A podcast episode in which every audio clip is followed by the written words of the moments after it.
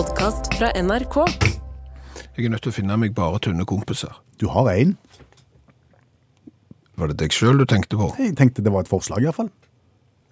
Du går jo ikke under Slank. Nei, du gjør ikke det. Men, men altså, du går ikke under korpulent heller. Det tror ikke noen som bruker korpulent lenger, forresten. Men du går ikke under tjukkas. Nei. Nei. Men, men eh, for, for det viser seg nemlig det at uh, sjansen for å bli overvektig, den, den øker eh, hvis du da har eh, overvektige kompiser.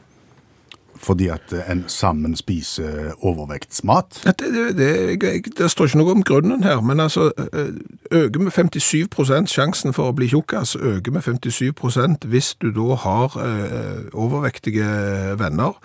Søsken, eh, hvis du har overvektige søsken, øker med 40% Har du en overvektig ektefelle, så er sannsynligheten, for at den andre ektefellen blir overvektig, eh, økt med 37 okay. så, så det viser seg nemlig det at istedenfor på en måte å være den Altså hvis du er litt tjukke, så er det gjerne mange som har tenkt at vi må få en enda tjukkere kompis, sånn at jeg virker som den tynne. Jeg skjønner. Eh, Men sånn er det ikke i det hele tatt. Du må egentlig få deg bare radmagre kompiser hvis du har tenkt å slanke deg. Det er ikke så lett når du er i din alder, det. Nei, eventuelt bare spise potet. Det er jo ikke godt i lengden. Nei, men det viser seg at hvis du bare spiser potet, så går du ned. Ok. Eh, australsk mann, Andrew Taylor, eh, han eh, i 2016 eh, så gikk, inngikk han et veddemål om å gå ned i vekt. Han veide da 149 kilo. Det er ganske mye. Det er litt mer enn oss. Eh, og da begynte han å bare spise poteter. Til, til frokost, lunsj og alt. Konsekvent bare poteter. Ja. Altså stekt potet, grilla potet, kokt potet, rista potet, potetstapper, røstipoteter, rå potet. Pommes frites? Det, det tror jeg ikke. Ikke pommes frites. Sikkert ikke siden det er frityr der. Men det gjorde han da i et helt år.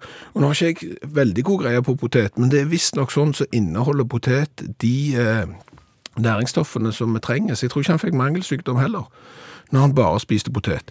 Og etter ett år med bare potet, Så var han nede i 99. Oi! Han tok av 50 kilo. Men tenk deg den der potet i dag òg. Ja. Hva skal du ha til middag i dag? Jeg tror det blir potet. Kveldsmat da? Potet. I morgen er potet. Men han gikk ned i vekt. Pandaen derimot Nå, nå springer det veldig her. jo, jo, men altså, potet er jo Vi har jo hørt at vi skal ha et blanda kosthold. Sant? Grønnsaker, frukt og litt kjøtt og kanskje litt eh, sånn. Det er bra for alt. Og når du bare spiser potet, så er det veldig ensidig. Ja, ja. Men han tok jo av 50 kilo. Pandaen spiser jo 99 bambus. Og ser jo ikke akkurat ut som ballettdanser, for å være helt ærlig. Ja, hvordan ser en panda ut?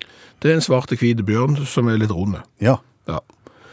Og, og det er jo ikke mye næring i bambus heller. Altså, De må jo spise noe sånn som 45 kilo med bambus for å få i seg det som eh, kroppen trenger. De har jo ikke noe tid til noe annet enn å spise. Nei. Det er 15 timer med mat om dagen. Tenk så mye bedre eh, hvis de hadde tatt litt potet, Ja. eksempel. Og ikke bare bambus, men de kunne funnet på å spise noe annet. Hvordan skal en få kommunisert det til, til pandaen, du? Nei, det må, vet ikke jeg. Nei, jeg vet ikke heller. Altså, men e- evolusjonen eh, burde jo være til hjelp her. Det burde være mulig å, å liksom trene den første pandaen i verden til å spise eksempel potet og andre ting. Altså, på film så kan de kung fu. Ja, det kan de. Ja. Så, så, så det burde jo være eh, mulig, og, og det er jo ikke, og det er ikke veldig mye pandaer i verden. Nei.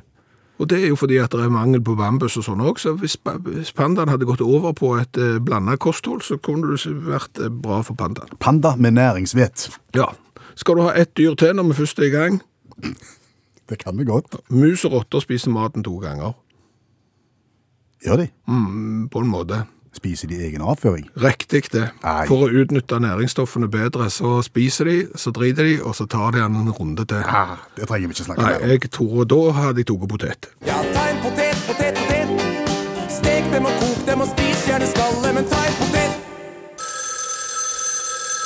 Hallo, ja. Hallais, Klingsheim! Hei, Stavanger-smurfen. Stavanger-kameratene go, go, go skal trege deg igjen. Der er trær som vokser inn, inn i himmelen. Der er trær som vokser inn i himmelen. You bet. Eh, uttrykket sier vel at det er ingen trær som vokser inn i himmelen. Jo, men det er noen. Er det det? Ja, ja. Er det et som du har planta? Rett og slett. Nå er jeg spent. Husker du ikke jeg snakket med deg i forrige uke? Du snakket om eh, omvendt voldsalarm. eh, i, alternativ bruk av det. Ja. Ja.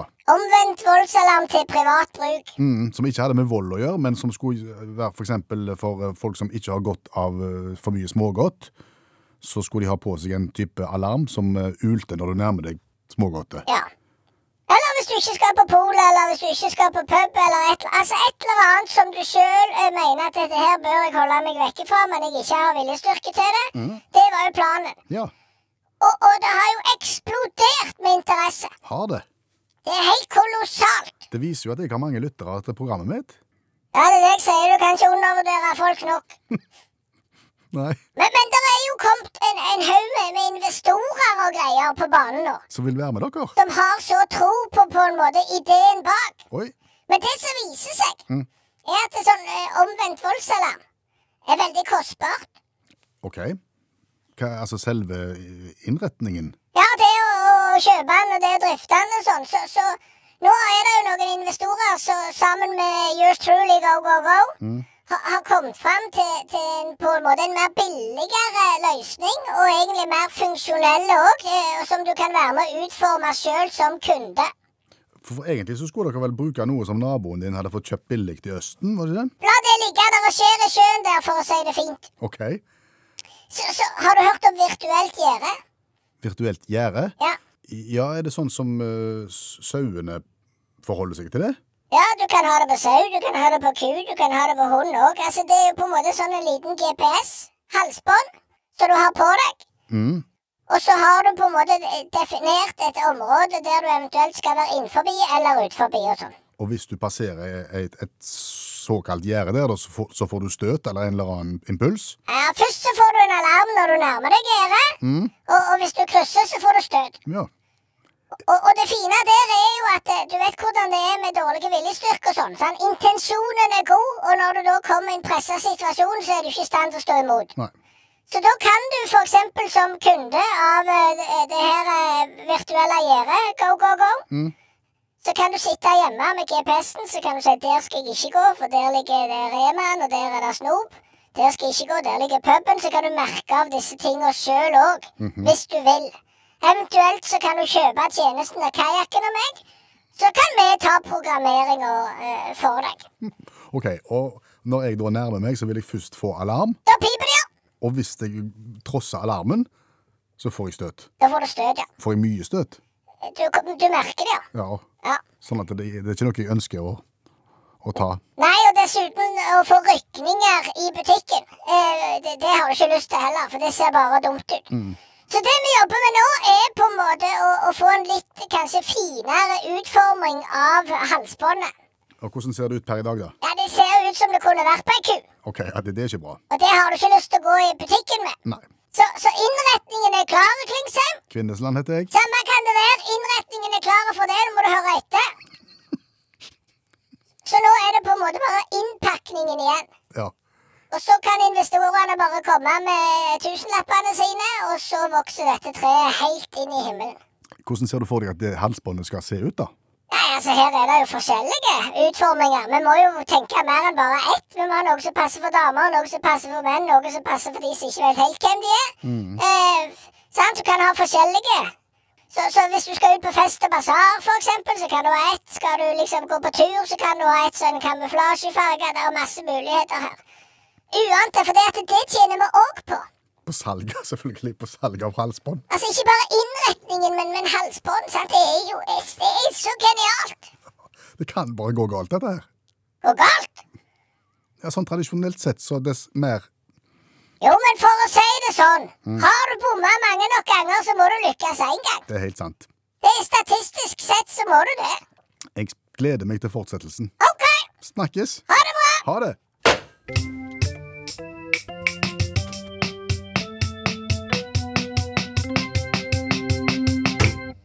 Har vi diskutert dilemma noen gang i dette radioprogrammet? her?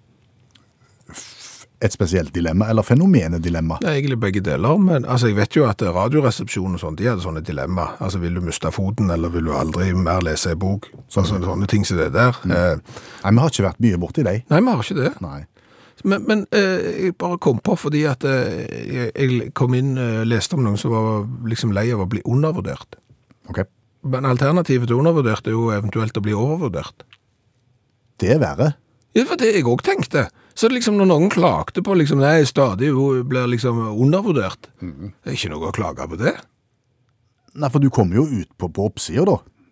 Altså Hvis du sjøl mener at du er så god at du eh, ikke setter pris på å bli undervurdert, så vil du jo komme ut positivt eh, på topp. Det er det jeg mener. Men, men hvis du er overvurdert, eh, det, det betyr jo at du har vanskelig for å innfri. Ja, da, da tror de at du skal få til noe som du ikke får til, og det er bare trist. Ja, Ja. Så, så bommer du stygt, og så står du der som en dust. Så jeg vil jo anbefale alle egentlig å hige etter å bli undervurdert hver dag. Fordi at da blir alle så positivt overraska. Å ja, du klarer å gå med begge beina, ja, liksom. Altså, det, det, selv det minste ting. Og det er jo litt sånn så, Det er alltid ett fotballag som er et sånn et undervurdert fotballag som gjør det mye bedre enn en har trodd. Ja. Ikke sant? Helt til folk slutter å undervurdere det lenger. Ja. Da, så, da leverer de ikke lenger. Nei, nei. Så, så det henger jo sammen. Ja, men, men så tenkte jeg, apropos fotball, mm. kanskje den eneste eh, plassen der eh, det kan være lurt å bli eh, overvurdert, det er jo i overgangsmarkedet. Altså Hvis verden tror at du er Guds gave til fotballen, verdens beste fotballspiller og sånn, og alle da hiver seg på, eh, du er egentlig overvurderte, eh, hiver sjekkheftene sine fram og, og skriver med, med gaffel, Ja. og gir deg en hel haug med penger, Og klubbene, ja. Og du trenger ikke gjøre et, en døyt resten av livet. bortsett fra å skjemmes over at du ikke innfrir det de trodde. Ja, ja, men hva så? Sant? Når du har eh, hele banken bak deg der, sant? Da, da, da, da kunne jeg tålt å ha vært overvurdert en liten stund. Mens hvis du da er undervurdert, så er det jo ingen som legger penger på bordet i det hele tatt i, i overgangsmarkedet. Da er det litt stusslig. For kjøperen så er jo det gull. For kjøperne er det gull, men, men, men ikke for, uh, for deg når du skal forhandle kontrakt og få penger og sånn. Hva var det vi hørte om en overgangssum her om dagen i, i, i fotball? Den Jo, jo du, jeg tror prisen var en sånn der eh, svært sånn kaffesalgsapparat. Ja, så- sånn som du så- kan gå rundt på tribunen med og ha på ryggen. Ja, så isolerte sånn at kaffen holder seg varm, og så med serveringskran, ja. Ja. En sånn en skulle de ha for spilleren sin. Hvor kjøper du sånne henne? Altså, hvis du skulle ha det for en spiller, jeg hadde lurt på hvem ringer jeg til da? Nei, jeg vet ikke. Har dere sånn en tank? Så du, det jeg tror ikke det er mange som selger det. Men du, skal jeg ta overgangssummen min en gang. Ja, Så kan du vurdere om det er undervurdert eller overvurdert. Jeg du er jo tidligere toppspiller. det, Men eh, jeg gikk fra en klubb til en annen. Da måtte jeg betale 1500 kroner. Sjøl? Ja, fordi jeg hadde fått bag og fotballsko. De måtte jeg betale tilbake igjen, før jeg fikk lov til å gå. Det er sjelden du hører om eh, sånne overgangssummer der objektet selv må betale for å komme seg ut av eh, Ja. ja, 1500 kroner var en del òg, altså.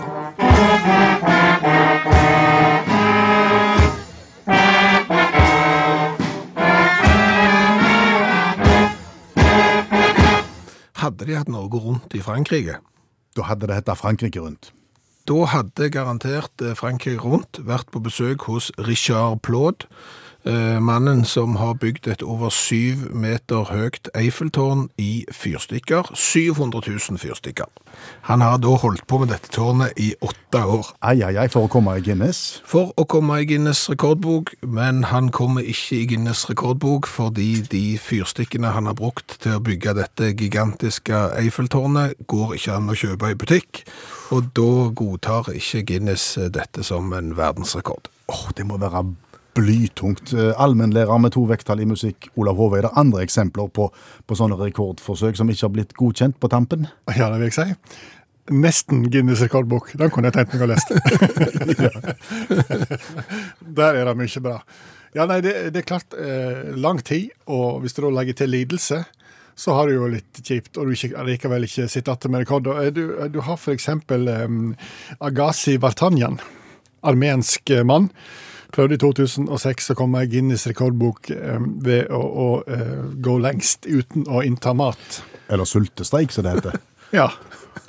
Og han er et sånn eksempel. Hvis du skal inn i Guinness rekordbok, så bruk han som et eksempel, for det er ofte det er viktig å huske på alt. Han setter seg inn i glassbur, som for øvrig dogger veldig, så han hadde proble- dog-problematikk ganske lenge, med vann der han satt der og gn- gnekka. Ble jo amper og sur og gretten, da, men eh, han ville nå ta i litt ekstra, slik at han var sikker, da, så han hadde, tok 50 dager. Uten mat. uten mat. da. Men, men drikker man her?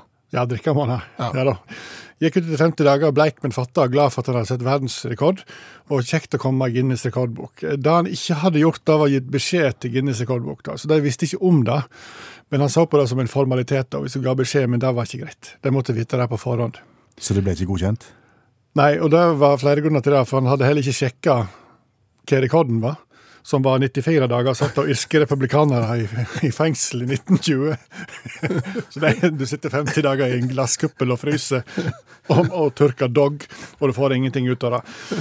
Carlos Silver, dominikansk sjarmør og vokalist på 46, han bestemte seg for å sette verdensrekord i 2019 i den som lengst sammenhengende sang. Han skulle synge kontinuerlig, ja. Ja, eller hadde lova et halvt minutt mellomrom da, mellom hver sang. da. Eh, forrige rekorden var på 105 timer, så han gikk for 106. Ja, ja. Sang sammenhengende i 106 timer. Eh, og ga beskjed på forhånd til Guinness rekordbok. Alt var i orden. Eh, fikk ikke godkjent. For to av sangene, av de 5029 sangene han hadde sunget, var, hadde han brukt mer enn et halvt minutt imellom. Han hadde brukt oppi to minutter. Ble ikke godkjent, og Carlos tok det ikke fint. Ble eitrende forbanna. Trua med søksmål og sa at han vurderer å ta det Han vil ikke nøle med å ta det helt til Menneskerettighetsdomstolen i Haag. Han sang ut, på en måte. Ja, det er ikke fullt så klar for det i Menneskerettighetsdomstolen, det kan jeg si. Men han sa jo at det her han ofra liv og lemmer, og han hadde faktisk fått to mindre hjerneblødninger.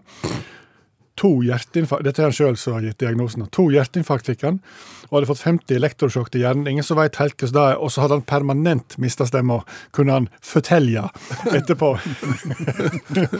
så litt drama queen der, men eh, mye lidelse og lite gevinst. Aner vi at det er et eksempel til? Ja, eh, Holland. Veldig glad i domino, sånn domino som eh, som feller. Ja, sånn trrr, bortover. Yes. Ja. Har til og med hatt et eget dominoprogram, Dominodagen. Og hvert år på 90-tallet og utover 2000-tallet prøvde de å sette verdensrekord. Mer og mer og mer. 2005 intet unntak. Da var det 30 mann som samla seg i um, Expo-senteret Expo-senteret i, uh, i Løhøyverden, uttales og bygde da fire millioner brikker måtte de ha for å sette verdensrekord. Lite kakk, så dette til her greien. Styr og vas. Det var ikke lov å ha frakk, f.eks. ja, det skjønner vi. Nei, du kunne ikke bygge alt mulig. Masse greier. Ingen slapp inn, det var sluse og sånne ting. da. Helt til det var til en halvannen dag da ikke en liten blåfugl, men en gulspurv kom inn.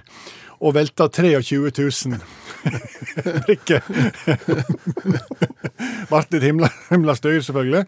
Fikk tak i en skadedyrbekjemper som ikke klarte å ta han med håv. Det ble jo riving da òg, skal jeg love deg. Og nett enda opp med å skyte han. Heldigvis så var spurven da eh, rødlista. Så det enda opp med fengsel, det enda på bot. Programmet ble nedlagt. Alt gikk til helsike.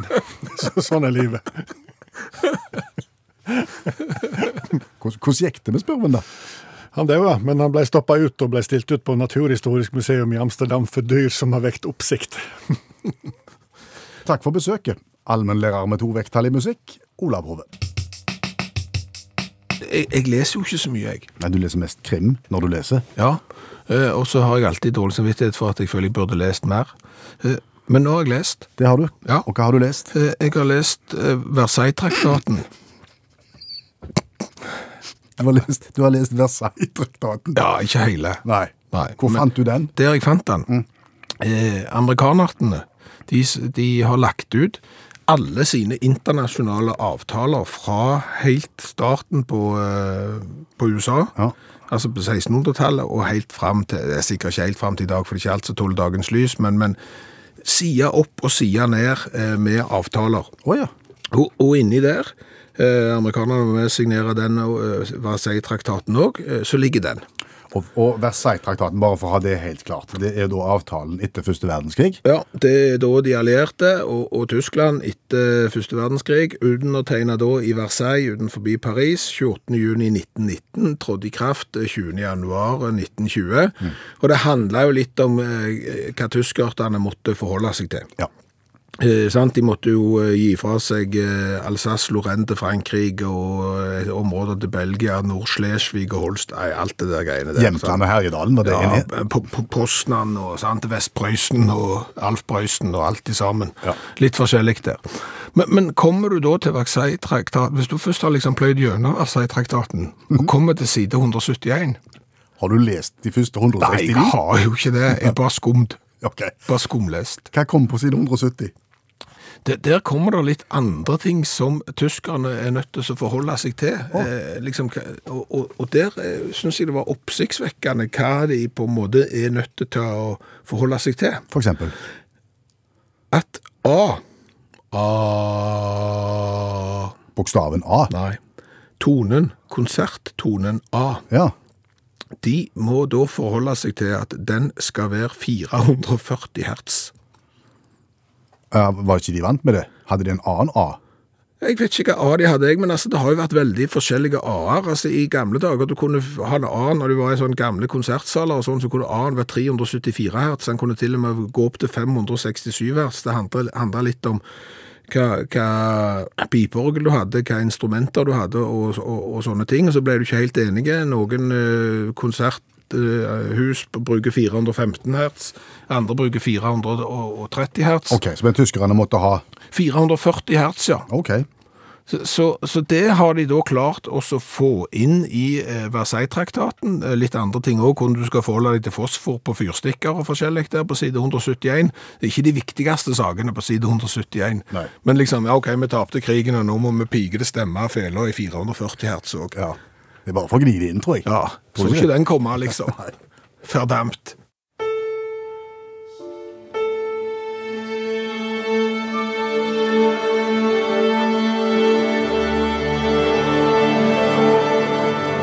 I forrige stikk så innrømte du det som du for så vidt har innrømt ganske mange ganger før, Mm. at du er ikke god til å lese. Du er ikke flink til å lese. Jeg er flink til å lese, jeg jo. Ja, Altså, altså- jeg er flink til å lese, men jeg leser ikke så ofte som jeg burde, og jeg leser gjerne ikke de bøkene som jeg burde. Nei. Men heldigvis så har jeg jo på en måte et sikkerhetsnett bak meg som gjør at jeg eh, ikke trenger lese alle de tingene som jeg ikke har lyst til å lese. Stemmer det. Og sikkerhetsnettet heter Kjente bøker på fire minutter, som er et konsept du og meg har utvikla sammen med forfatter og professor Janne Stigen Drangsholt. Der vi tar for oss disse klassikerne som vi burde ha lest, på fire-fem minutter. Og etterpå, når du har hørt på oss, så kan du framstå som om du har lest dem. Ja. Og i dag, ny bok. Altså, Janne Stigen Drangsholt har vært vekke lenge fra programmet vårt. Nå er hun tilbake med en ny, altså ikke ny, med en gammel bok, Ja. som er ny for oss. Ta notater nå.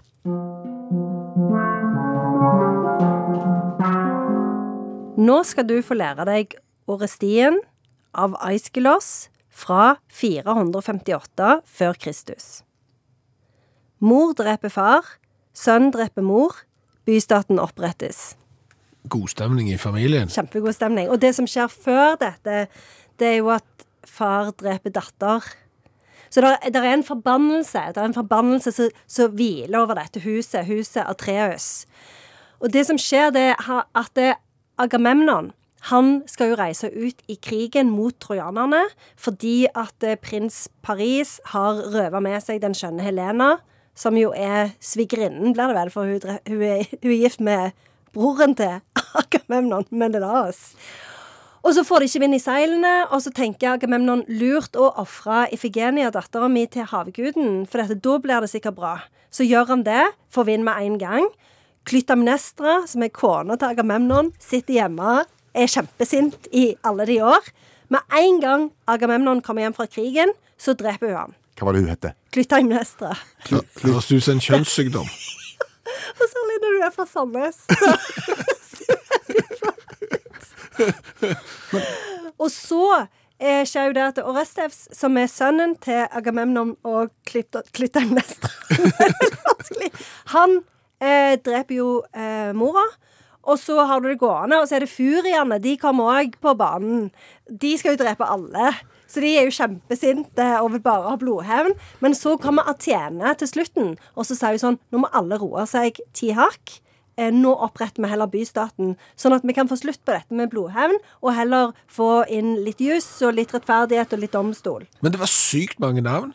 Det er veldig mange navn, veldig lange navn. Så Ja. det, og det er jo en ulempe når du skal på en måte eh, snakke om disse forskjellige karakterene. Og så er det jo òg problemet med tittelen. Ja, For, for det var den høres ut som eh, et gatenavn i Stavanger, Orrestien. Det er nettopp det. Og jeg husker når jeg skulle ta litteraturvitenskap eh, grunnfag, hadde jo ikke jeg, jeg var jo fra Sandnes, hadde jo ikke hørt om denne. Så jeg var sånn Hæ, hva er denne Årestien som jeg skal lese? Men det er Årestien.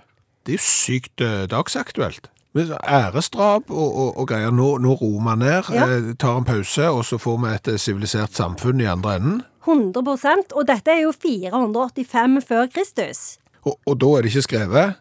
Dette er en av de få tragediene som har en inneskreven versjon. Og det som er litt kult, også, det er at Aiskelos han vant en sånn konkurranse. Skrivekonkurranse i aviser, liksom. for unge forfattere. Dionysosfestivalen. så, så han vant for denne trilogien, da. Og en fun fact er jo at Jon Fosse, sjølveste, har skrevet en oversettelse eh, ganske nylig av denne trilogien. Om disse bøkene oppsto nå, er er mulig er historieløse nå, men samtidig med Odysseen og, og disse her som har vært innom tidligere. Du er så lite historieløse at jeg bare Jeg applauderer deg, Per Øystein. Nei, dette nå er vi på, omtrent på samme tida. Så nå er det, og det som er gøy, som vi òg kan gjerne huske på med disse greske tragediene, det er jo at de, de diskuterer jo det alltid alltid familien. Sant? Det er alltid familieproblemer. Har du et berømt sitat fra Oristien? Det har jeg. Eh, og det er litt sånn halvlangt, men eh, jeg vil si at det passer. Evig skal freden i landet vårt råde. Skjebnen og Sevs venner sammen vår hjemby. La det gi gjenlyd fra jublende stemmer. Da skal du få lov til å oppsummere Oristien for oss. Tusen takk. Eh, For det første så tror jeg kanskje at vi skulle oversatt den en gang til, og da i diktform for eksempel i Limerick, for det var veldig nærme. Tre linjer, og han tenkte med seg, nå drar jeg i vei, og så dreper jeg mor og far min og sånn, sant? Det kunne passet. Det er det første. Eh, Det andre er jo at her er det karakterer som høres ut som kjønnssykdommer på Sandnes, men til slutt, altså noe som er skrevet 485 før Kristus, er dagsaktuelt i dag, og det betyr at klassisk litteratur har oppfylt eh, sin profeti og forteller noe til sin samtid. Var det bra? Jeg eh, kjenner at jeg er litt rørt nå. Tusen takk. Er det professor nå, eller hva skal vi si? Ja, professor, nå.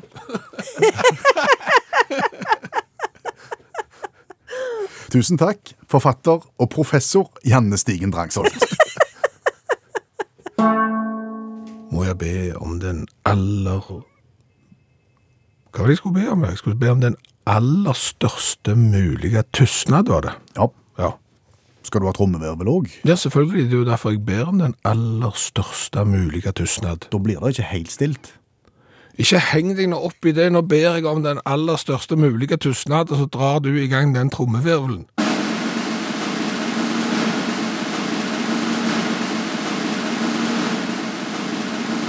Sånn. Ja. Og hva var det du ville si? Jeg gjør- gjør ikke det noe med deg? Trommevirvelen? Ja. Jo, den skaper en form for forventning. Ja. Han gjør det. Det er en spenning.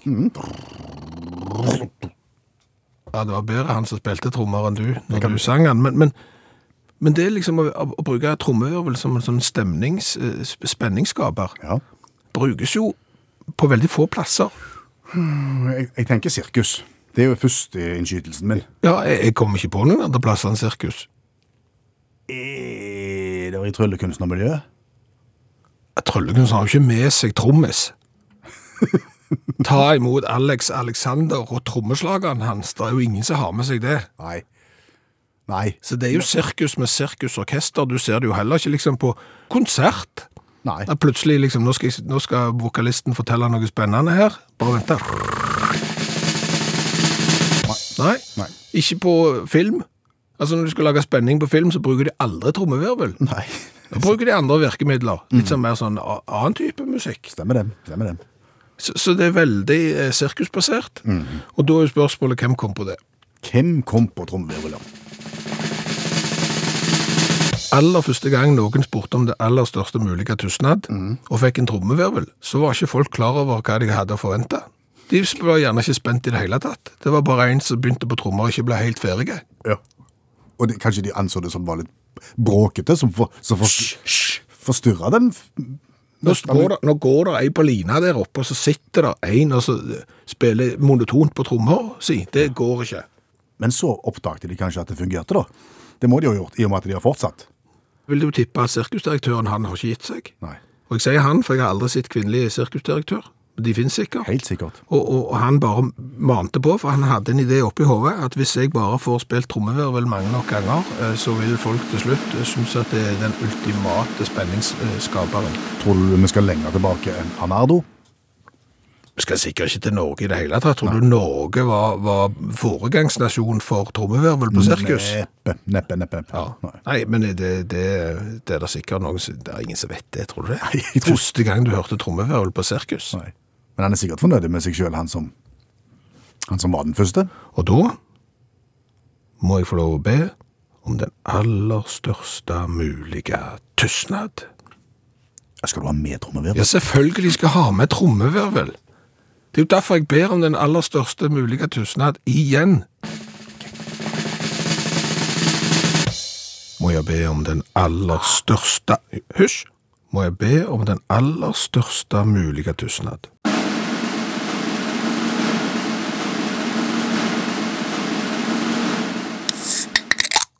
Det er en bedre lyd enn trommevirvel.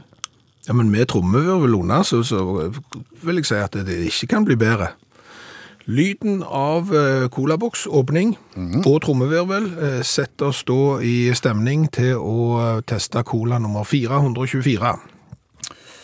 Og hva er nasjonaliteten til cola nummer 424? Den er fra Hellas. Helt gresk. Ja, antageligvis. Ja, ja, ja. ja, ja. Den har vi fått av Jan Olaf. Eh, Den heter Nektarcola.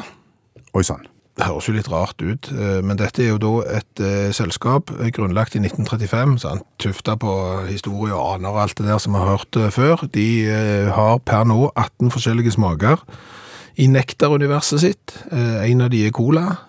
«Fist drink with unique refreshing flavor perfect to accompany any food or drink.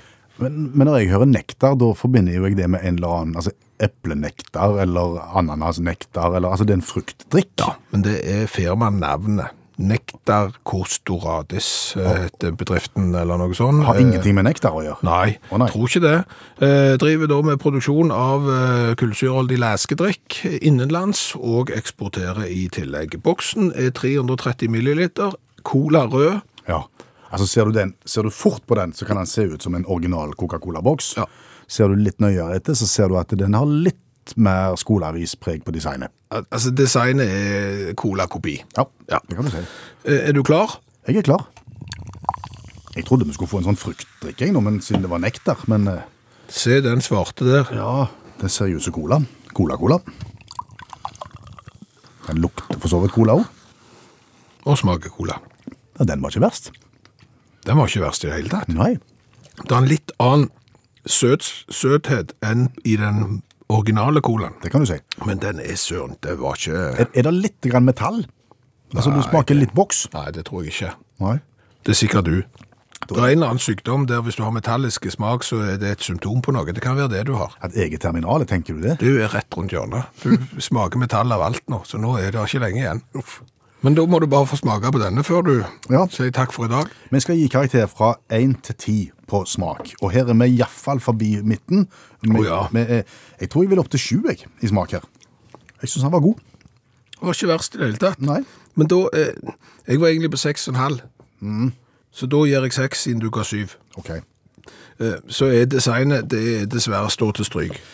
Ja, for det er bare kopier. Har ikke forsøkt noe som helst. Nei. Nei. Du velger cola rødt med hvite bokstaver. Det er oppbrukt to. Ja, ja.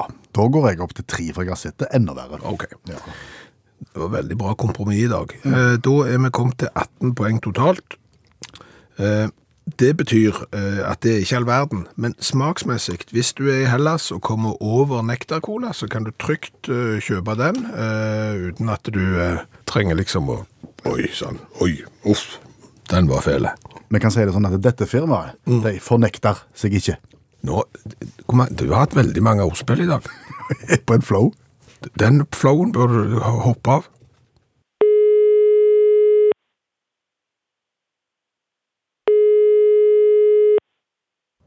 Velkommen. Du vil nå få fem valg. For Bergen, tast 1. For Stavanger, tast 2. Tast 1, 2. Tast 1, 2, 3, 4, 5. Hello. Please leave a message after the tone. Jeg ringer for å uttrykke min frustrasjon og misnøye med den overdrevne bruken av ordspill i radioprogrammet Utakt på NRK P1. For det første virker det som om ordspillene noen ganger blir tvunget inn i samtaler og kommentarer, noe som fører til at samtalen virker unaturlig og kunstig. Videre opplever jeg at den hyppige bruken av ordspill kan bli forutsigbar og til tider irriterende. Imidlertid oppfordrer jeg programmet til å bruke ordspillene mer måteholdent og sørge for at de integreres organisk i samtalen, slik at de bidrar til å forbedre opplevelsen av programmet i stedet for å distrahere fra den. Jeg håper NRK vil ta denne tilbakemeldingen til etterretning og vurdere å justere bruken av ordspill i radioprogrammet Utakt.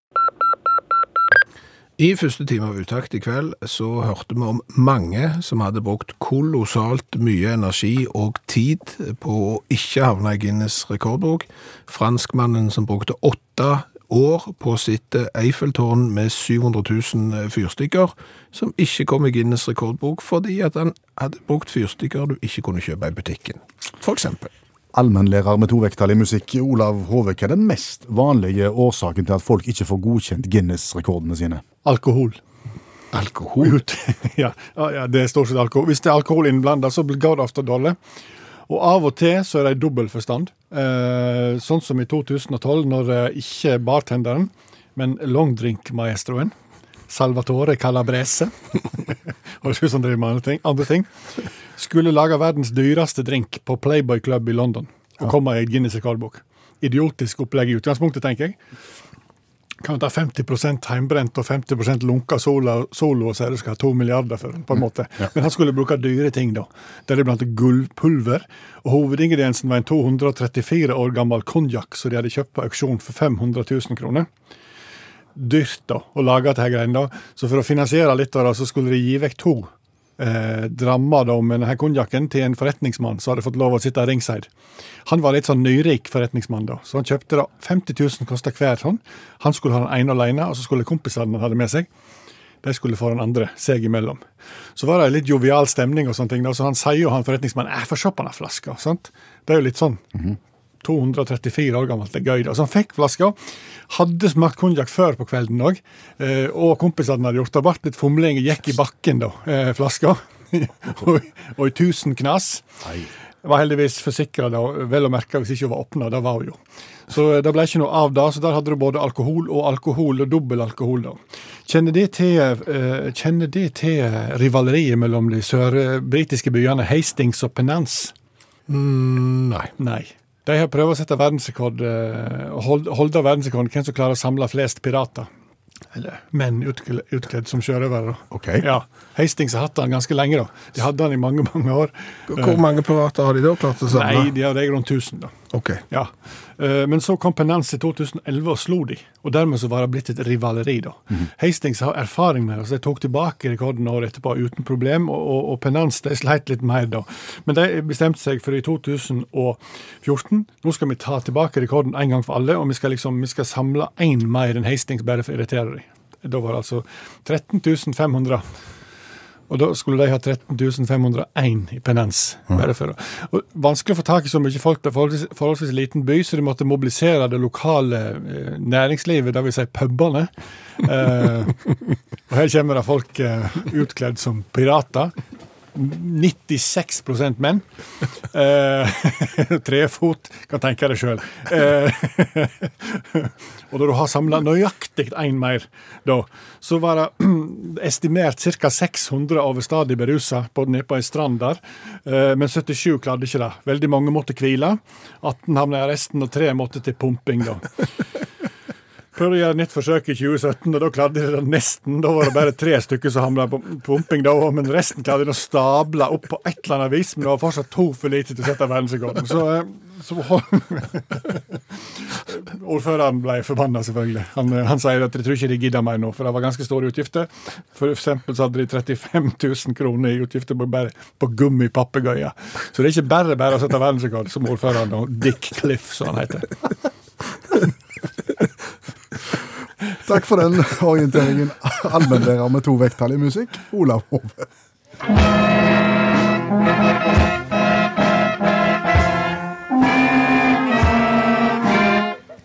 Vi har jo vært litt opptatt av hvordan dyr forplanter seg i de siste programmene. Ja, vi var jo innom eh, spekkhoggeren og delfinen som hadde samkvem.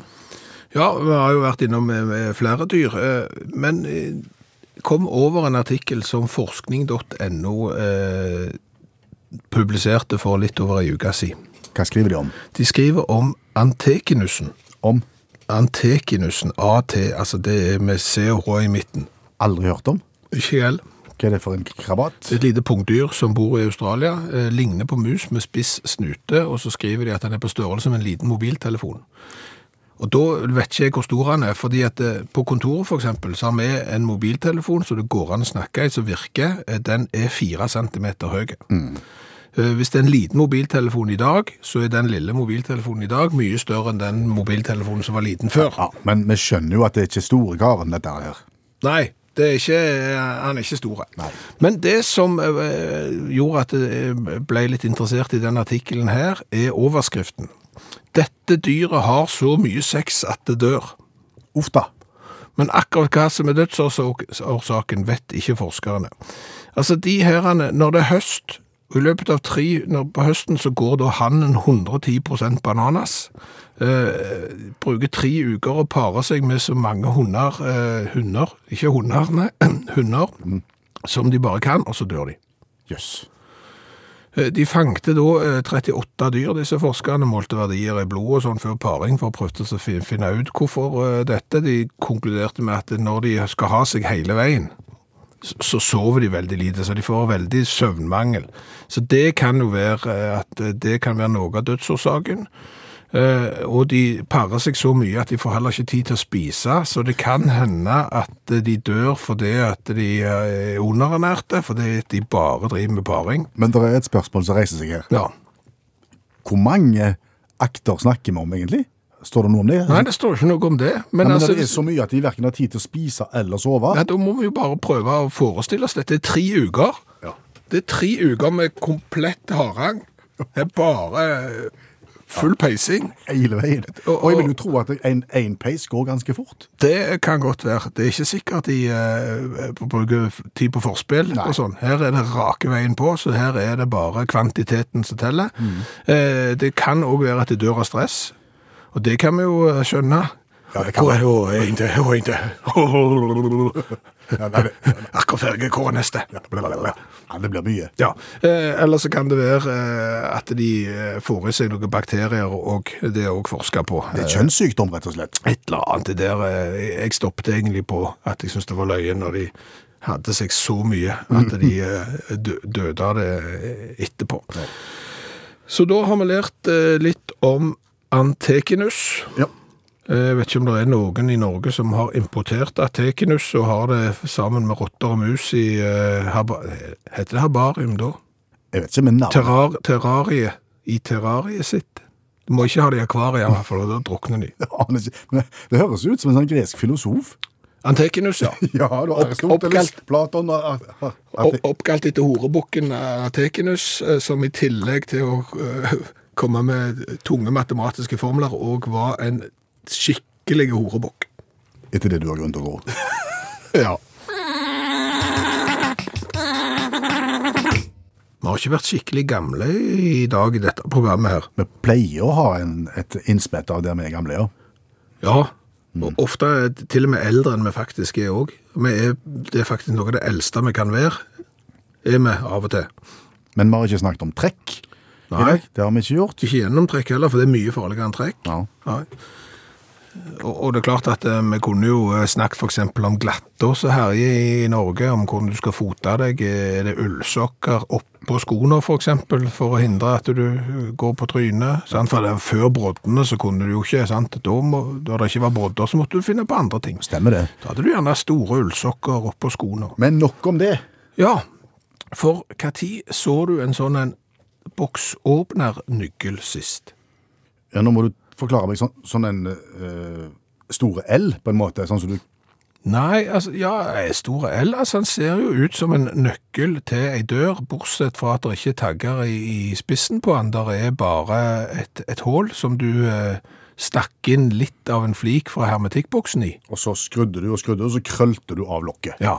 Eh, ofte på skinkebokser, eh, sardinbokser og sånn, og så fulgte han jo med, eh, var festa på lokket. Ja, Når så du en sånn en sist? Det er lenge siden. Er de helt radert ut? Ja, det er sikkert andre Altså, skinkeboksene, Ja. de er jo blitt av papir nå. De, finnes, de er jo ikke i metall lenger, eksempel. Er skinkeboksene blitt av papir? Yes. Det er litt sånn som eh, det som ikke heter joikakaker lenger heller. Det er heller ikke i boks. De er òg i papir nå. Emballasje. Sånn har det altså blitt. Ja. Ja vel. Ja. Men, men når, før det var papir, så uh, åpna du den jo ikke med sånn nøkkel da heller. For det er enda lenger tilbake. Ok. Men, men jeg husker jo at du hadde jo en sånn liggende i kjøkkenskuffen, i tilfelle du kjøpte en boks der det mangla. Stemmer det. Og da, og da var du klar. Så du er klar, du, den dag i dag? Ja, jeg har heiv den nå. Oh, ja. Jeg, jeg, derfor jeg tenkte vi kunne snakke om det, fordi at eh, jeg, jeg hadde en på bånn i kjøkkenskuffa, og den har jeg jo ikke brukt. Så nå røyk den. Men hva gjør de med, med sånne små sardiner og de type boksene der, da? Er ikke, er ikke alt bare sånn trekke-opp-greier nå?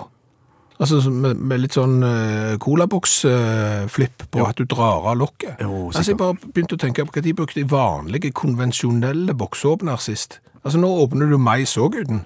Du trenger ikke finne fram uh, boksåpneren til mais heller. sånn har det altså blitt. Sånn har- er det noe. Fiskeboller har jeg ikke prøvd på lenge. De må jeg ha boksåpner Ja, nå? de er i plast. De- Nei, nå, nå. Nå tror jeg du skrøner, men eh, har verden har blitt sånn, ja. husker du da når uh, brusindustrien ble revolusjonert på 80-tallet med sånn dra opp kork med, med ring i på topp? Ja, istedenfor at du måtte ha Brusåp- brusåpner. ja. ja, de var livsfarlige. Ja, de, Kvikkitoppen ble de kalt for. Og de var, ble veldig altså, re reklame for det over alle tiders. Ja. Helt til folk skjønte at når de lå på bakken og du trødde på dem, så skar du deg. Så ble de farlige. Ja, du trenger ikke bare trø på dem, du kunne skjære dem når du drog opp òg. Mm. Men det var én gøy ting, da. Det var sånn. Du kunne ta ut den lille plastikkrundingen inni, Ja. legge inn i hånda, Ja. og så gjøre det tett, og så Sånn, ja. Eh, hvis det er noen som er under 150 år nå, så hører på dette radioprogrammet, så har de enten skrudd av, eller så skjønner de ingen verdens ting. Eh, så derfor eh, så stopper vi her.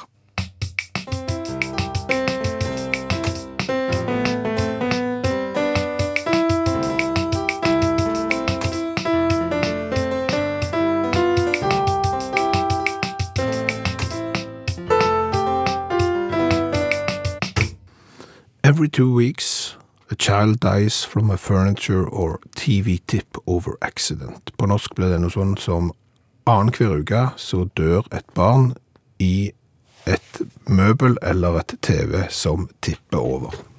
Hvem er det som skriver det? Er det en overskrift? Det er en overskrift, men det er ikke en nyhetsavis eller noe sånt som skriver det. Det er et advokatfirma. Ok, som er, som er involvert i denne type saker, da. I, I USA, altså de har da en hel eh, artikkel om eh, TV og, og møbler som kan eh, dette over, henviser til eksempel saker i USA der eh, en IKEA-kommode og et IKEA-skap har tippet over små barn som har omkommet. Ok, altså, Og de har spesialisert seg på denne typen ulykker? Altså, det, er det som jeg synes det er litt trist der oppi dette her. Altså, For dette er ikke bare en sånn en, eh, varselartikkel om at liksom, nå må vi være greie og, og passe på, sant? Altså, de skriver litt om ting som kan dette, og hvorfor de dette og sånn. Et eksempel er for eksempel at eh, nå kjøper folk seg flatskjerm. Eh, I USA så hiver de da tydeligvis ikke tjukkast-TV-en sin. Nei. Eh, Men de henger flatskjermen på veggen, så tar de tjukkast-TV-en i et annet rom, og så setter de den på et bord som ikke var beregnet for 60 kilo med fjernsyn. Og så er det en fare. Og så skriver de eh, om eh, at folk har glemt, eller ikke fått levert med sikringsutstyr til skap og kommoder og sånn, som gjør, gjør at det kan tippe. Men, men så er det jo slutten her. Altså, da har de informert om at dette er på en måte et problem, mm. og dette kan du bli utsatt for. Og så skriver de, vi er eksperter på eh, produkter som ikke er sånn som de skal være, og skade på barn. Så hvis noen du er glad i har blitt skada av at møbler eller TV eller noe sånt har eh, datt over dem, og produktet ikke er i orden, ikke nøl med å ta kontakt med oss, og så telefonnummer osv. De skulle ikke heller brukt tida si på å tatt kontakt med det møbelfirmaet og gjort de oppmerksom på, på farlige mangler, da. Jeg synes jo det, for, ja, for det her ble så amerikansk, fordi at da saksøker de sikkert herfra til månen. Eh, noen som har lagt en kommode som ikke er sånn eh, skal være, og så lever de da av eh, prosent på, på, eh, på disse søksmålene her. Det ble, uff, nei. Og egentlig var dette litt feil i et godt humørprogram. Jeg tenker det er greit å, å, vite litt om hva som foregår der ute. Ja, og så må vi jo passe på oss sjøl, at vi sikrer eh, kommoder og klesskap og sånn at ikke de kan tippe.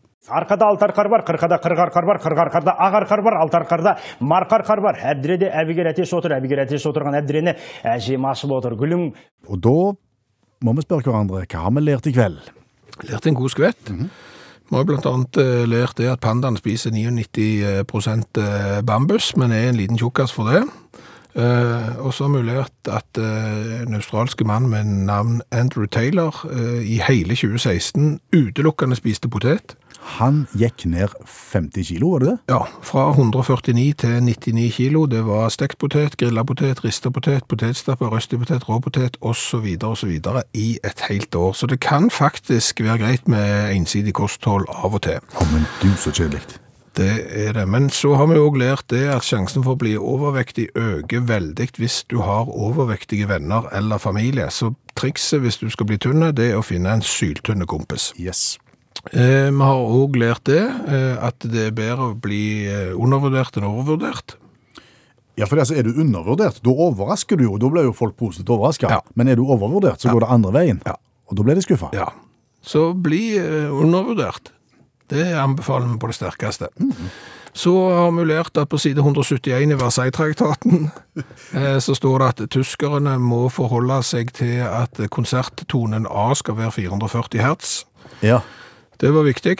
Det kom etter at de hadde måttet gitt fra seg havnebyen eh, Danzig, Gdansk eksempel, til eh, Polen og andre områder. Men men det òg viktig at de kunne forholde seg til én konserttone. Og det kom først på side 170.